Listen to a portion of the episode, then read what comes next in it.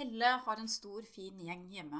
Etter seks egenfødte barn hadde Helle og mannen hennes rom for å adoptere siste tilskudd til familien.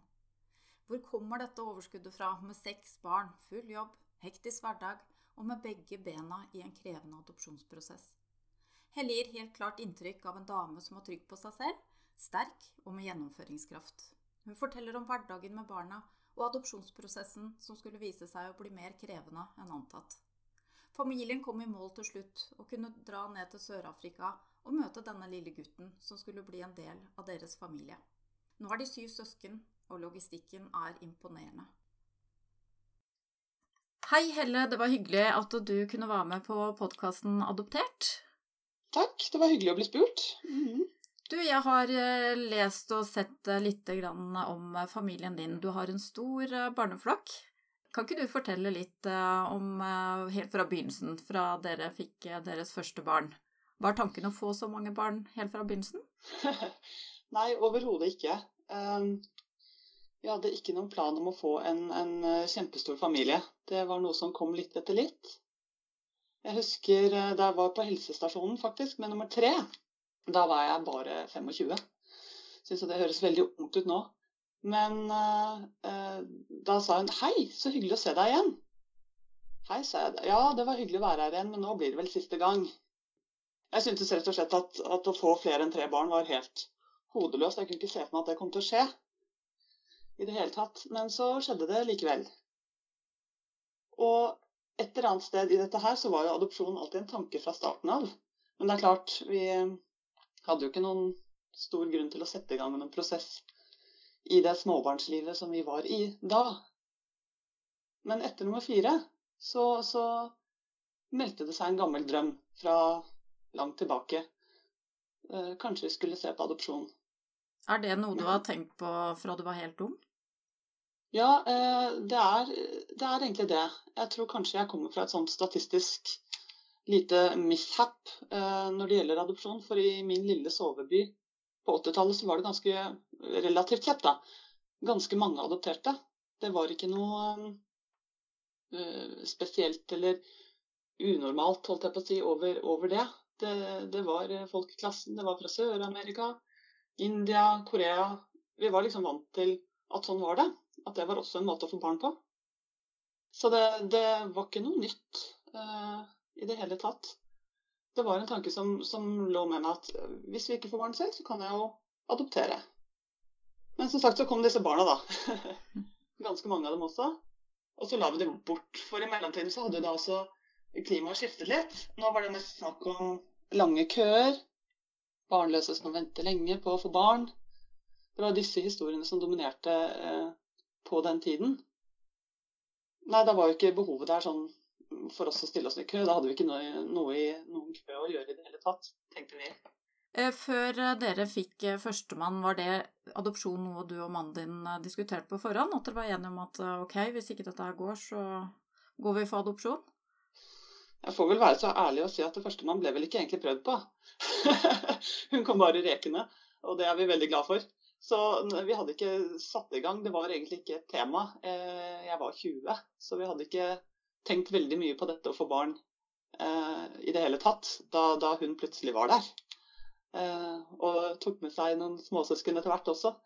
Så eh, litt hodeløst, kanskje. Eh, vi bare danset inn i foreldrerollen, og, og sånn har det egentlig, egentlig fortsatt.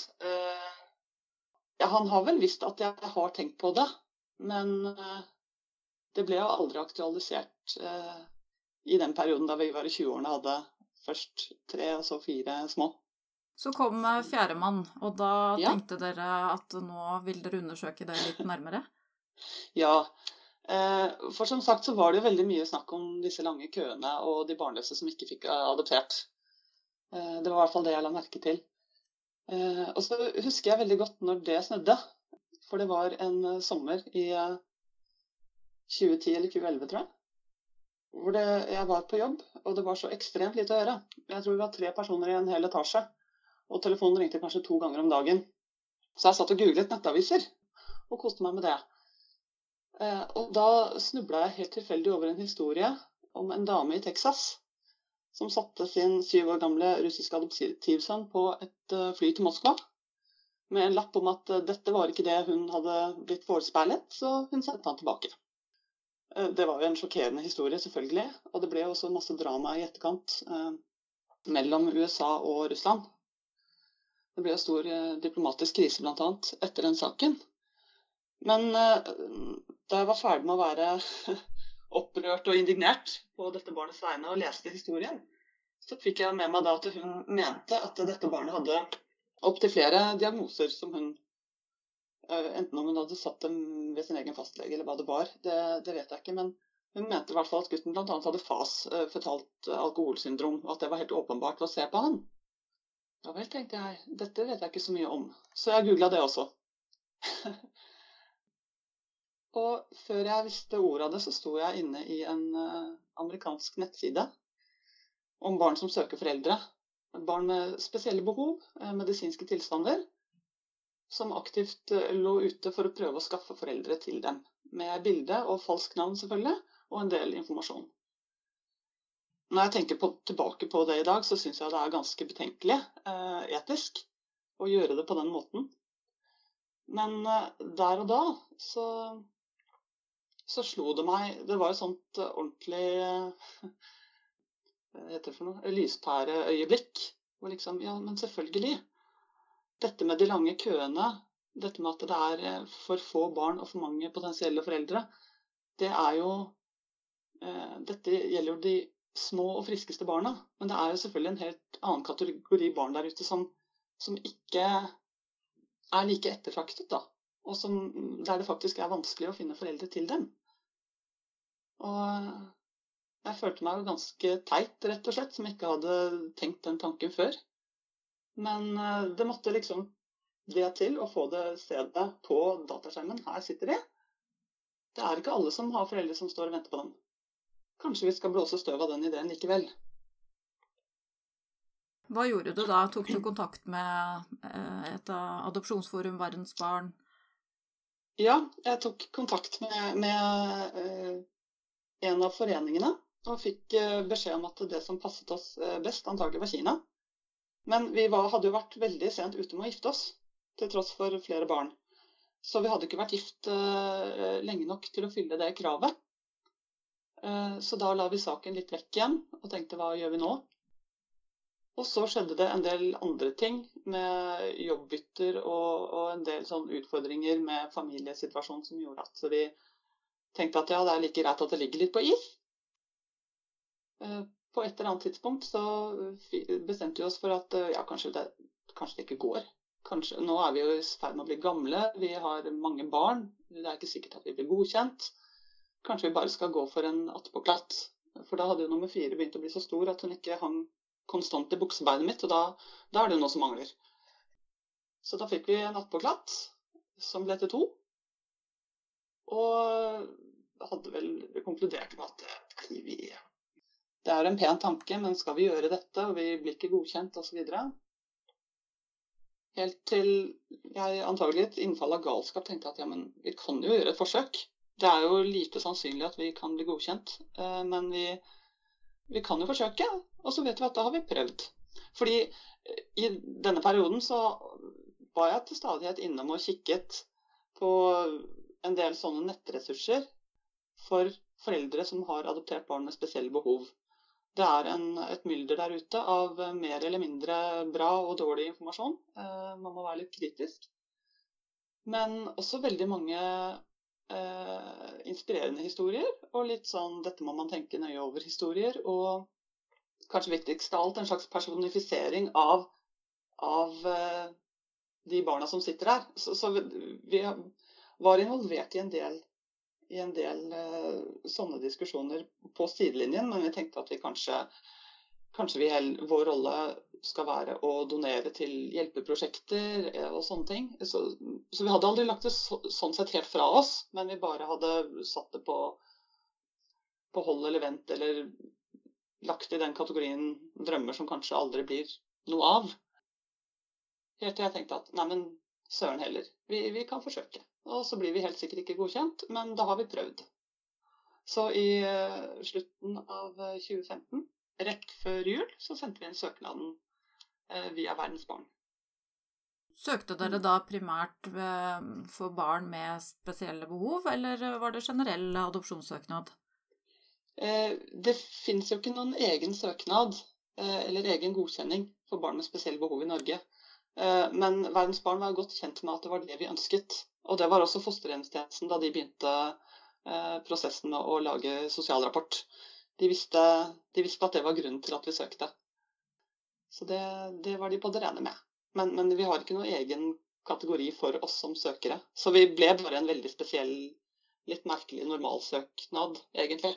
Men eh, du sa Kina var jo utelukket. Hvilket land var dere havnet på da? Nei, vi havna jo til slutt på Kina fordi vi, vi, vi rakk å være gift lenge nok. Eh, og i tillegg så Etter de gamle reglene Så Kina har endret reglene sine mange ganger. Men det som er så fascinerende i den historien her, er at eh, første gang så hadde vi ikke så mange barn, eh, men vi hadde ikke vært gift lenge nok. Andre gangen så hadde vi vært gift lenge nok, men vi hadde nok litt for mange barn i forhold til de gamle reglene. Men i 2015 så, så hadde de en regelendring som gjorde at de fjerna alle regler om familiestørrelse for, for gifte. Og, og løsnet på antall barn for enslige søkere. Så vi søkte på en måte i et vindu. Nå er reglene tilbake til sånn de var. Men det var en, en, periode på halvannet år hvor reglene var åpne for, for eh, familier med flere enn seks barn, og akkurat da søkte vi på Kina. Hvor lang tid eh, var dere i søknadsprosessen da? Søknadsprosessen gikk egentlig ganske radig. Jeg tror vel Ja, vi søkte jo da rett før jul, og så var vi på kurs i februar-mars. Og så begynte fosterhjemstjenesten eh, arbeidet med sosialrapporten i mai. Og så tror jeg vi hadde ferdig sosialrapport i september.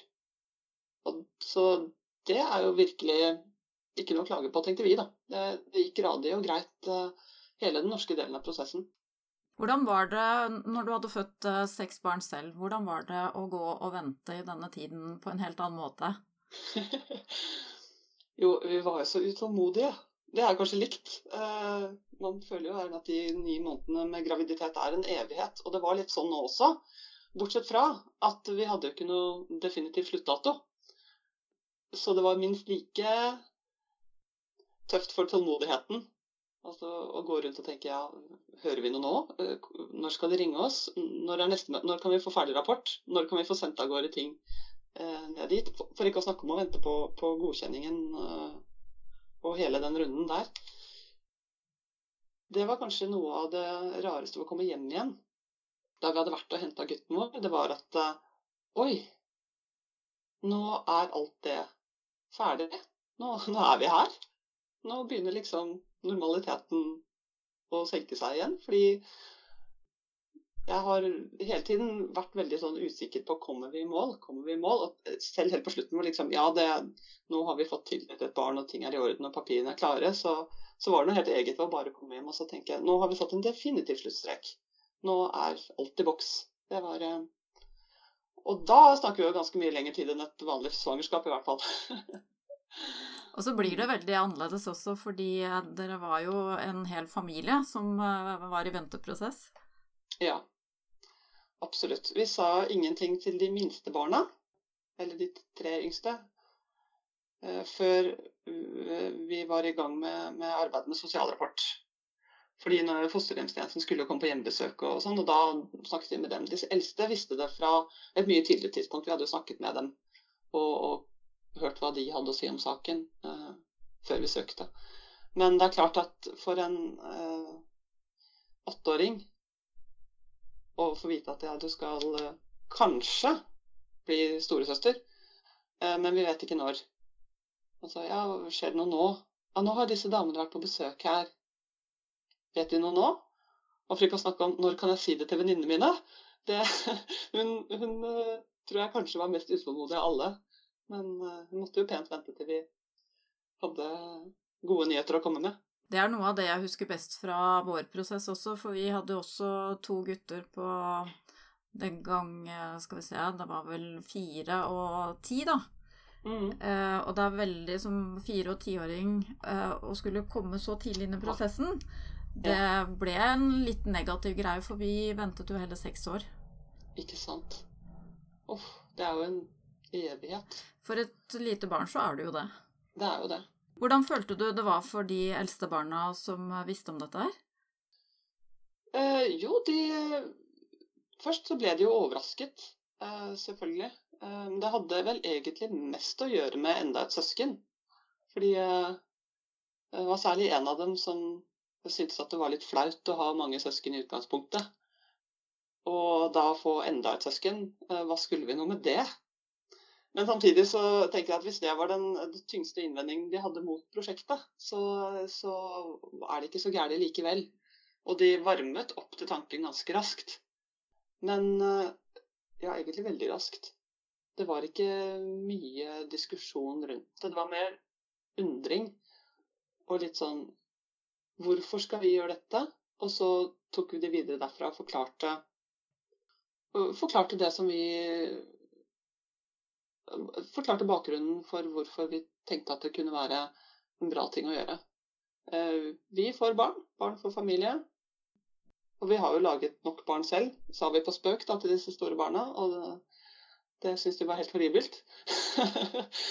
så eh, Nei da, de tok det veldig fint. Og de, ble de gikk raskt fra å være litt sånn avventende og spørrende til å bli Ja, når skjer det egentlig noe? Så da var de også på ventekjøret. Og så kommer denne godkjenningen. Hvordan var reaksjonen deres da? Ja, eh, først eh, så fikk vi sosialrapporten ferdig. Vi hadde jo seks møter. Det var veldig grundig. Og så fikk vi sosialrapporten eh, som Jeg husker mannen min ringte og ropte i telefonen 'Vi har fått rapporten! Det er bare glede!'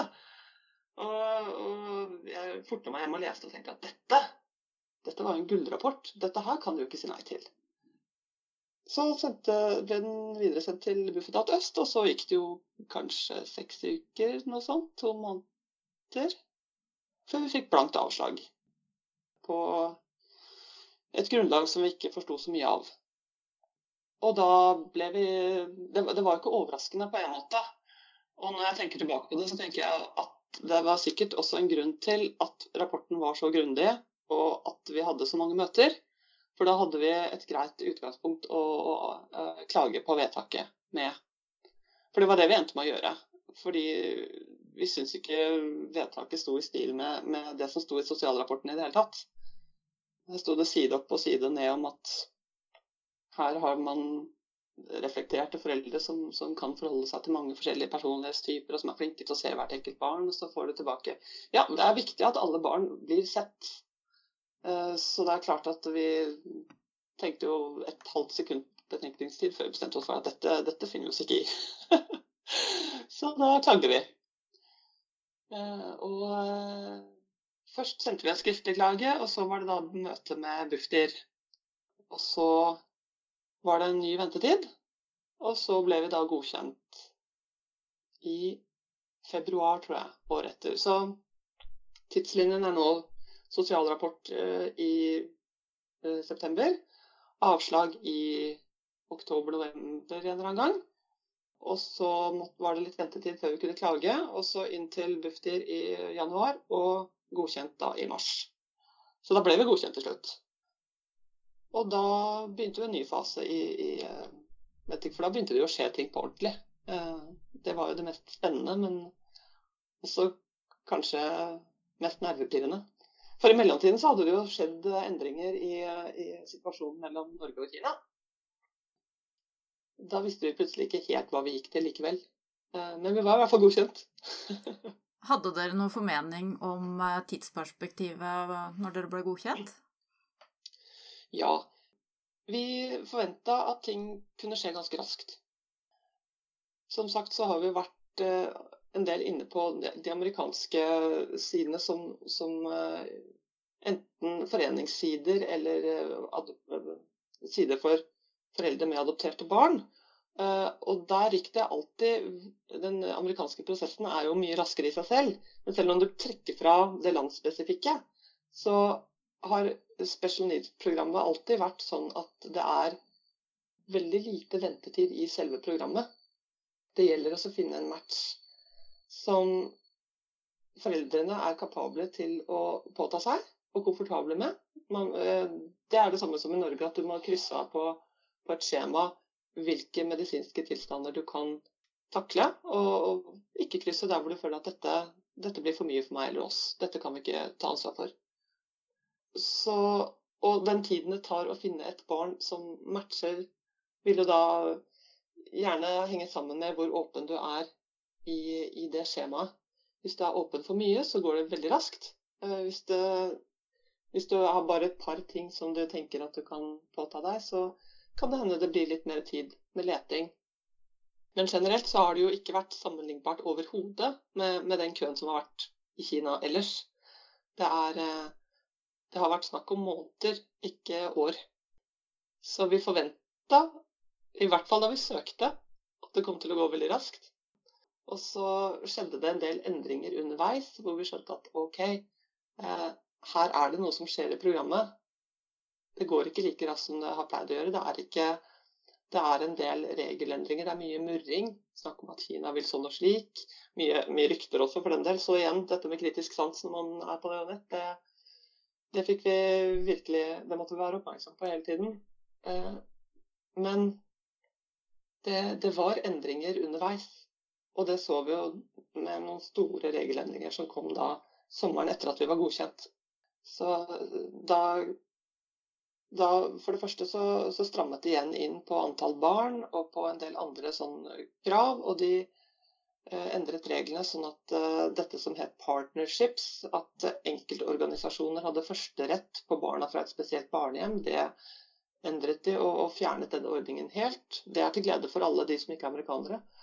For de hadde sittet på veldig mange av de kinesiske eh, filene fordi de har den ekstraordningen. Og en hel rekke sånn antikorrupsjonstiltak og mange ting som, som eh, ble endra den sommeren der. Og resultatet ble jo at eh, eh Norge nå mer eller mindre har slutta å samarbeide med Kina. Jeg tror vel eh, Inor Adopt har vel lagt ned samarbeidet helt. Og Verdens Barn, jeg tror kanskje de har én søker igjen men de tar i hvert fall ikke nye søkere. Så dette skjedde jo da da vi endelig var godkjent, så, så begynte dette å skje. eh, nei, vi var, vi var, vel litt optimistiske. Vi tenkte at det, det, det, er jo barn der, det vet vi jo. Det må da være noen der som kan passe oss. Eh, jeg tror verdens barn nok skjønte kjappere at dette her ikke kom til å la seg gjøre. For de begynte å dytte oss litt sånn vennlig i retning eh, Sør-Afrika. Spurte om vi hadde tenkt på det som et alternativ. For vi, vi var jo helt overbevist om at vi bare passa på Kina som søkere eh, i det hele tatt. Fordi eh, det er såpass eh, få land som har, er åpne for så store familier. Men med en gang du nevner special needs, så er jo gjerne avsenderlandene litt rundere i kantene. Så vi fikk vite at vi både kunne se til Sør-Afrika og også Thailand som et mulig alternativ hvis vi var eh, ute etter å adoptere barn med spesielle behov. For der, da lemper de litt på gravene, de formelle gravene. Det som eh, var vanskelig for vår del, var egentlig ikke å si ja til Sør-Afrika. Men vi hadde jo en veldig godhet for Kina og tenkte at vi var veldig godt kvalifisert til den type barn vi hadde sett for oss gjennom hele eh, prosessen med sosial rapport, og som vi ble kjørt ekstra hardt på av av eh, fosterhjemstjenesten. Nemlig det at vi kunne være mulige foreldre til et litt eldre kinesisk barn med eh, spesielle behov av en eller annen sort. Eh, min mann er jo født i Hongkong og snakker kinesisk. Og vi har jo Han har jo med seg mye kultur derfra, kulturell kunnskap, som kunne være til nytte og hjelp i en sånn prosess. Når et barn kommer til et nytt land og skal finne sin plass her. Så det at vi ikke fikk på en måte den brukt det lille ekstra, som også sosialrapporten understreket så mange ganger, at det, vi er spesielt godt egnet til dette, det, det, var vanskelig å legge fra seg. Men når vi hadde gjort det, så så var det jo bare nytt og spennende med Sør-Afrika. Det var jo vi fikk på en måte eh, en slags gave som vi ikke hadde eh, tenkt på at var der, eh, i det å bli kjent med et land som vi overhodet ikke hadde tenkt på i prosessen i det hele tatt. Da måtte vi starte fra scratch og lære, lære oss å lese, kikke på informasjonen. Og det, det, føltes egentlig veldig fint. Det var, det var veldig spennende. Så da ble alle papirene flyttet over til uh, Sør-Afrika, når dere da hadde bestemt dere? ja, eh, eller vi, ja, de, de, gjorde jo det. Vi, hadde, vi har sendt en bunke til Kina, og så måtte vi lage en ny bunke til Sør-Afrika. Men det var, det var en ekstrarunde. Så selv om det var mye sånn papirmølle og stempler og, og tjo og hei som var ganske kjedelig og tidkrevende, så, så, var det det var en jobb vi gjorde med glede. Da fikk vi sendt papirene dit også. Men det er jo som du sier, da begynte dere jo egentlig litt på scratch. Var det litt sånn nedtur å begynne venteprosessen på nytt? Eh, nei Ja. Nei, egentlig ikke. Eh, fordi igjen, eh, special needs er jo litt på siden av det ordinære programmet. En av grunnene til at vi ikke hadde omtrent satt oss inn i kravene for Sør-Afrika engang, var jo at vi så at det var så lang ventetid, og at de hadde en ønsket aldersramme og, og krav til familiestørrelse som bare ikke passet oss i det hele tatt. Så, så vi hadde ikke satt oss inn i det, i hvilke eh, regler som, som, gjaldt der så veldig grundig, annet enn disse tre punktene. Og så, så hadde vi bare forlatt tanken. Men Sør-Afrika-køen er jo ganske lang, eh, i hvert fall nå. Jeg tror den er på vei ned igjen, men, men er, det er fem-seks år er vel ventetida sånn cirka nå. Så det hadde jo ikke vært aktuelt for oss i det hele tatt. Men vi var jo Og vi hadde heller aldri blitt valgt som en match til de barna, de små, friske babyene som kommer der. Men til disse andre barna. Til de barna som, som verdens barn blir bedt om å finne foreldre til. Fordi at de har et eller annet i papirene sine som tilsier at det, det kan være de har spesielle behov av ene eller andre sorten. Der kunne vi være aktuelle som søkere. Og da, da, ble det jo ikke noe sånn at vi startet på bånn i køen og strykket langsomt framover. Vi måtte bare sitte og vente og se om det kom en, eh, en tildeling eller papirer til verdens barn på et barn som, som vi kunne tenkes å være interessert i. Og da ta beslutningen der og da om vi ville se på dette. Og da var jeg litt sånn Jeg følte litt som at jeg tok, tok en plass som ikke var vår. Så jeg var veldig opptatt av at ja, men de som egentlig søker på Sør-Afrika, de får se disse papirene først, sant?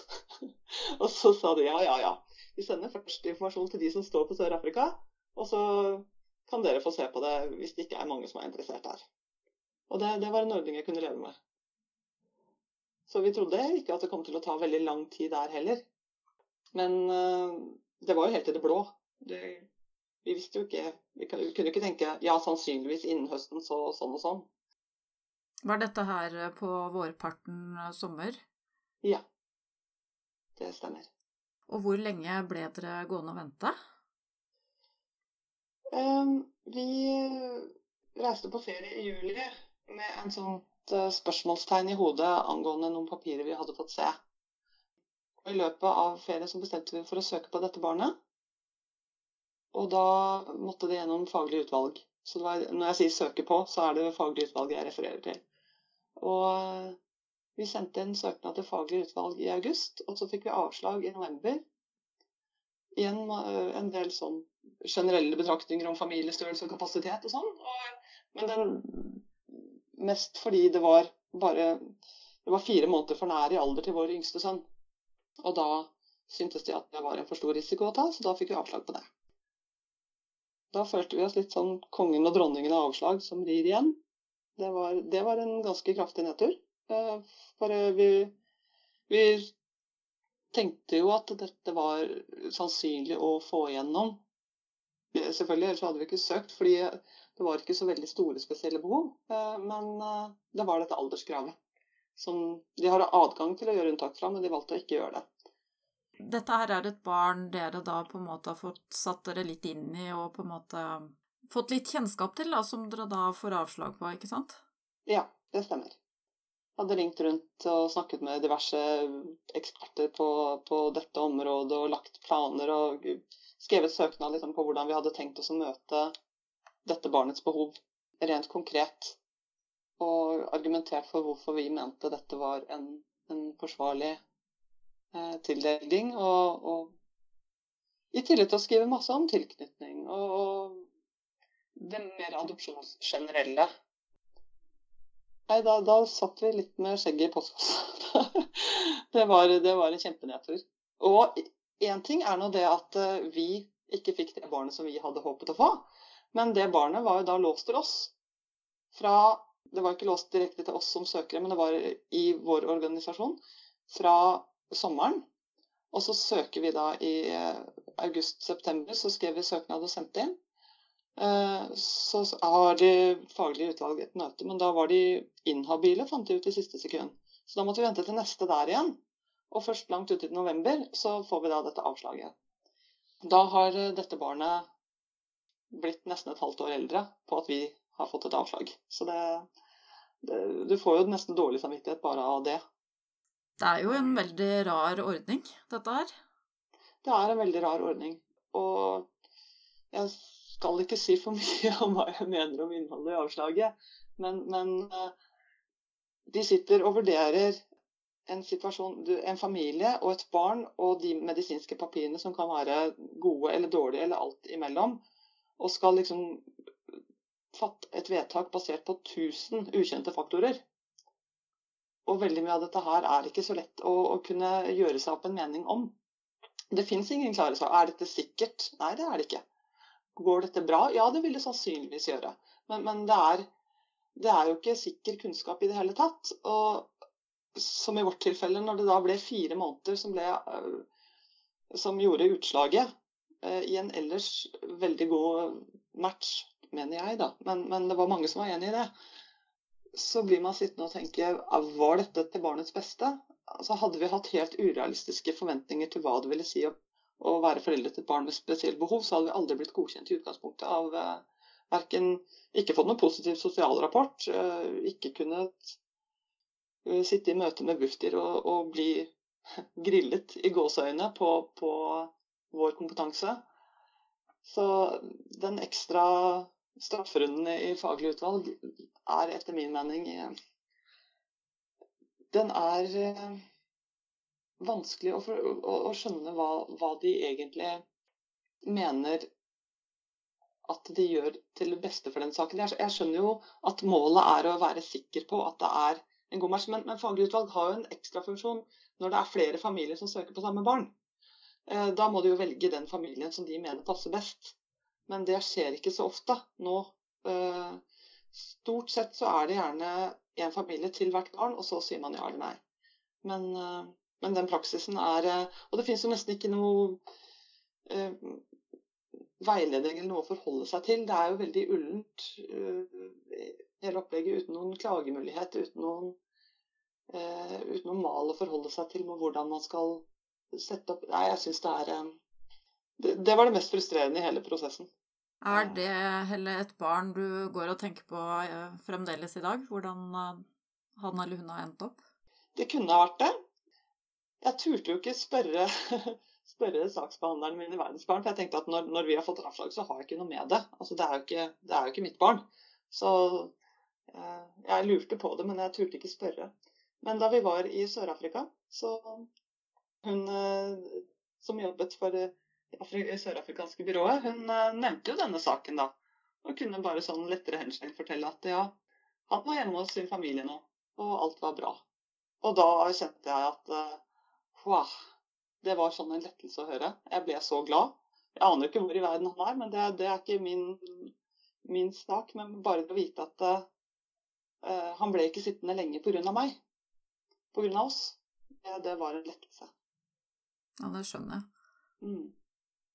Men hva tenkte dere når det avslaget kom, da? Eller hva, tenkte dere å gi opp, eller vil dere bare gå videre og prøve å finne et nytt barn? Eh, da Det vi gjorde, er ta, at vi tok det avslaget vi fikk, og så gjennomanalyserte vi det. Og så prøvde å skrive en ny sånn grunnsøknad som som gikk på de tingene som de mente var usikkerhetsmomenter ved vår situasjon. Altså lage en virkelig uh, foolproof søk uh, søknad.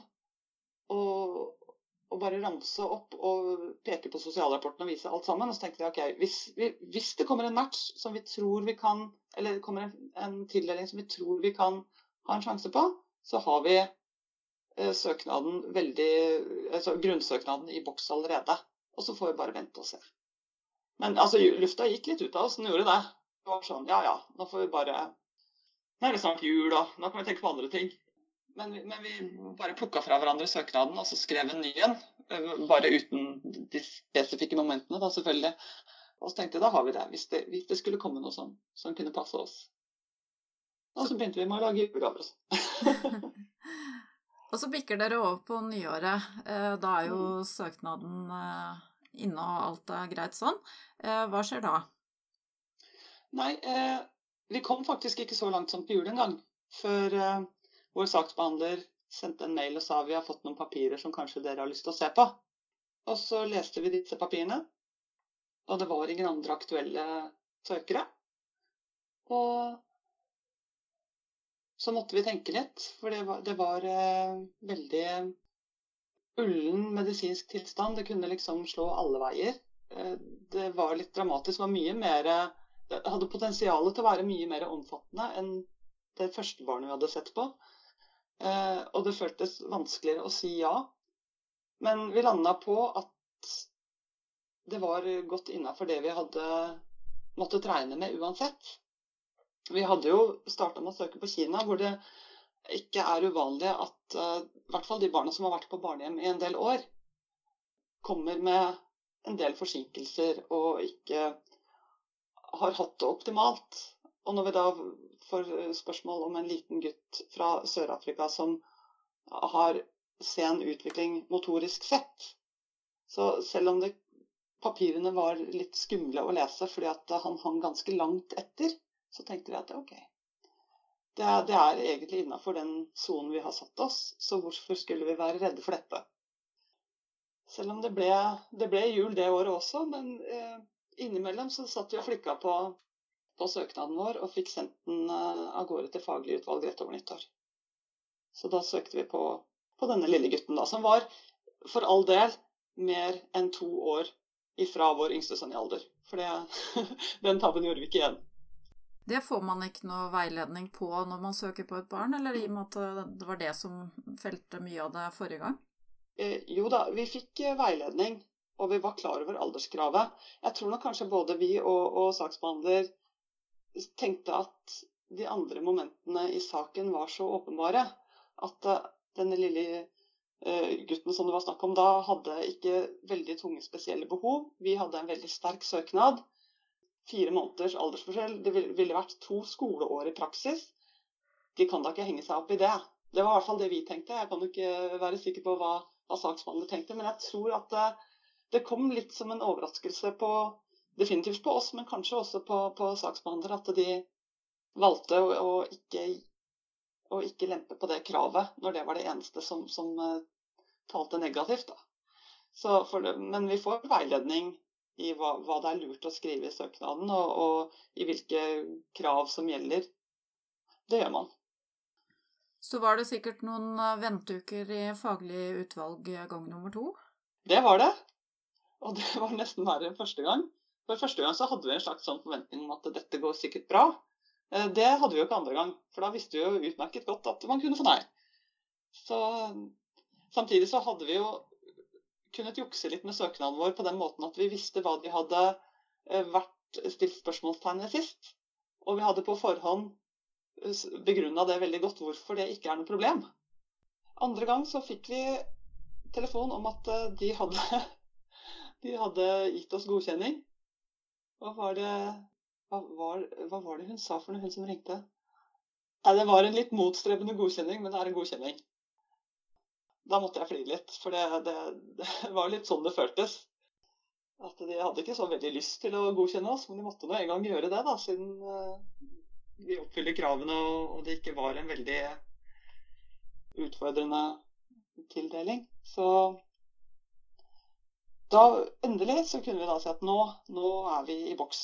Vi, og da kunne vi også få se bildet og dokumenter som ikke var anonymisert. Fordi du får jo tilsendt eh, alle opplysninger om barnet før man skriver søknad til faglig utvalg, men du får ikke se bildet, og du får ikke vite navn.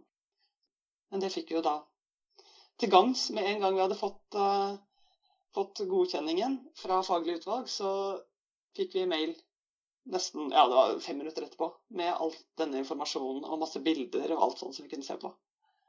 Så da var det julaften og, og bursdag på samme dag. Hvordan var det å se gutten din for første gang da, Helle? Å, er det han?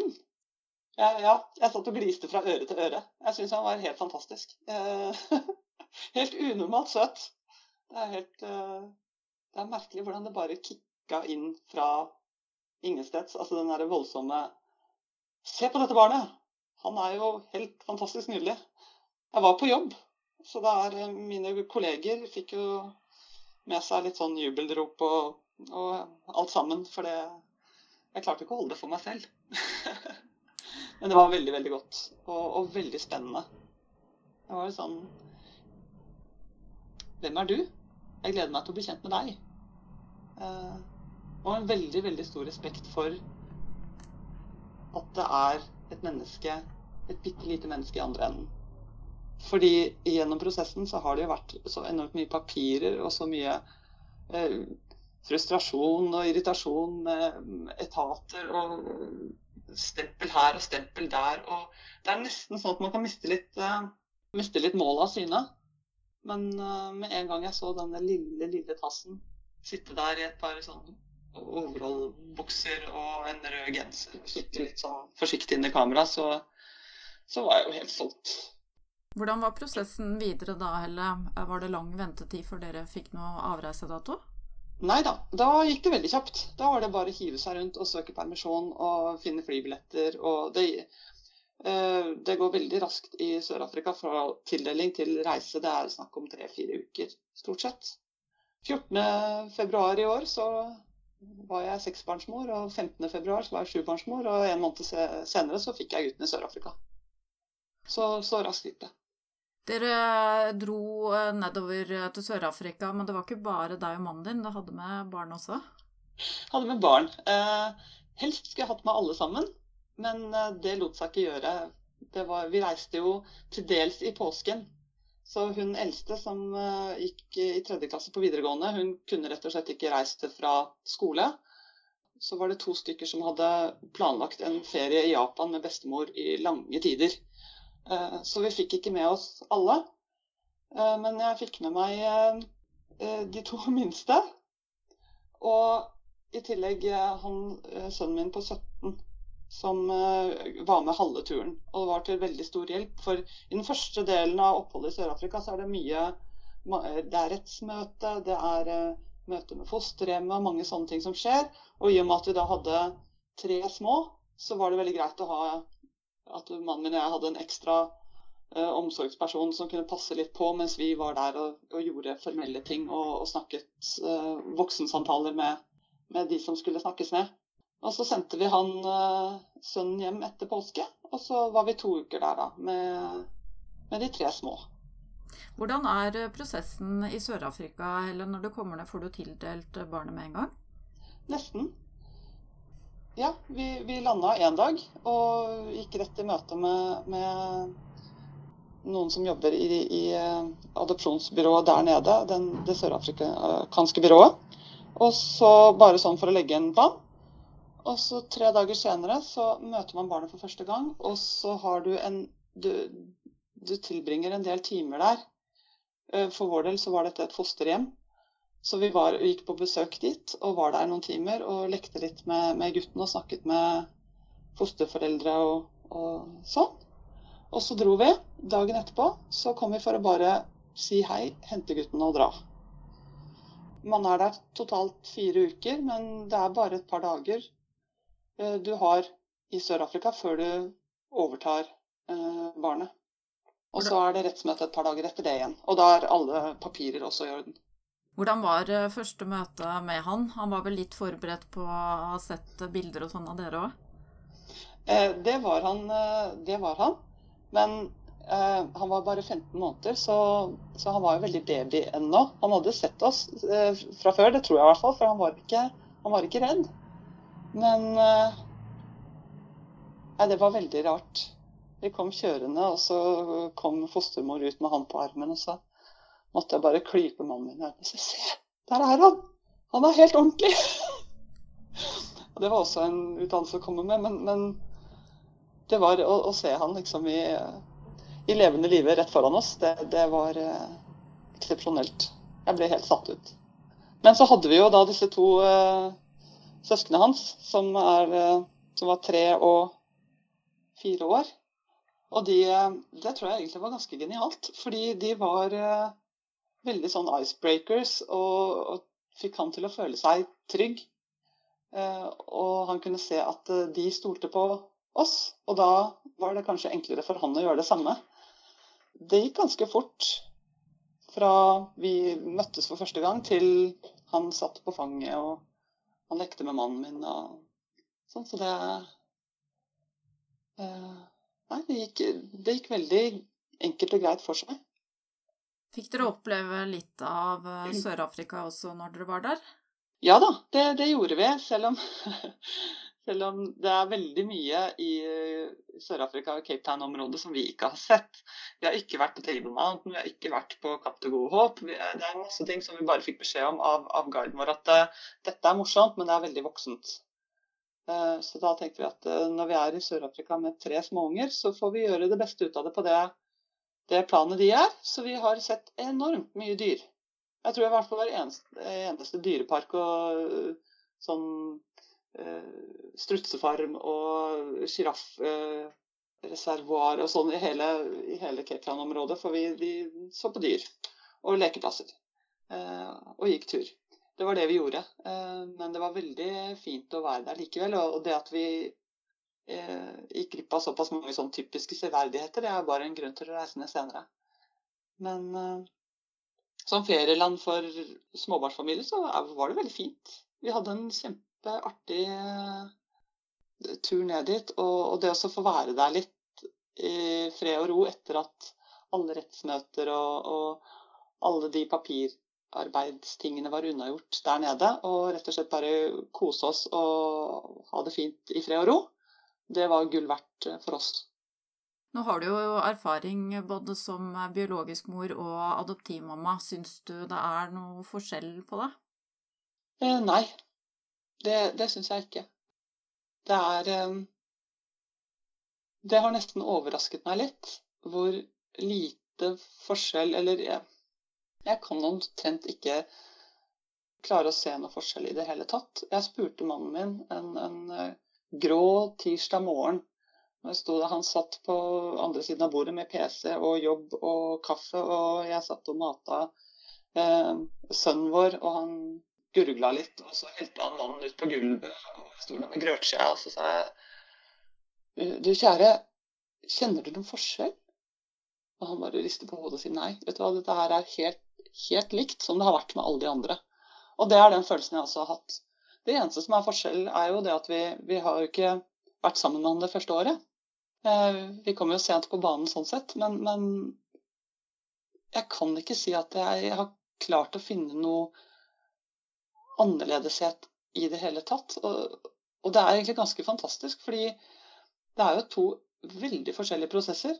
Det ene er har biologien på sin side og du, genetikken på sin side. Og det er så gitt at du som mor skal knytte deg til ditt eget uh, spedbarn. Men, men eh, jeg syns det er akkurat de samme mekanismene som har vært i arbeid med, med minstemann. Til tross for at det besto i skjemaer og flyturer og masse sånn. Så er det akkurat det samme.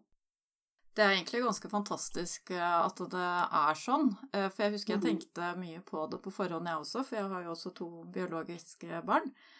Men det er som du sier, jeg, jeg har ingen Det er ikke noe forskjell der. Nei. Det er, eh, det er ganske utrolig. Men det sier jo litt om, om, eh, om mennesket og, og, våre evner til å knytte oss til hverandre. Og, og, det at eh, foreldreskapet er så mye, mye mer biologi. Da vil jeg bare si tusen takk til deg, Helle, for din historie og dine betraktninger. Jo, bare hyggelig. Og takk for at du lager en podkast som mange av oss har god nytte av å høre på.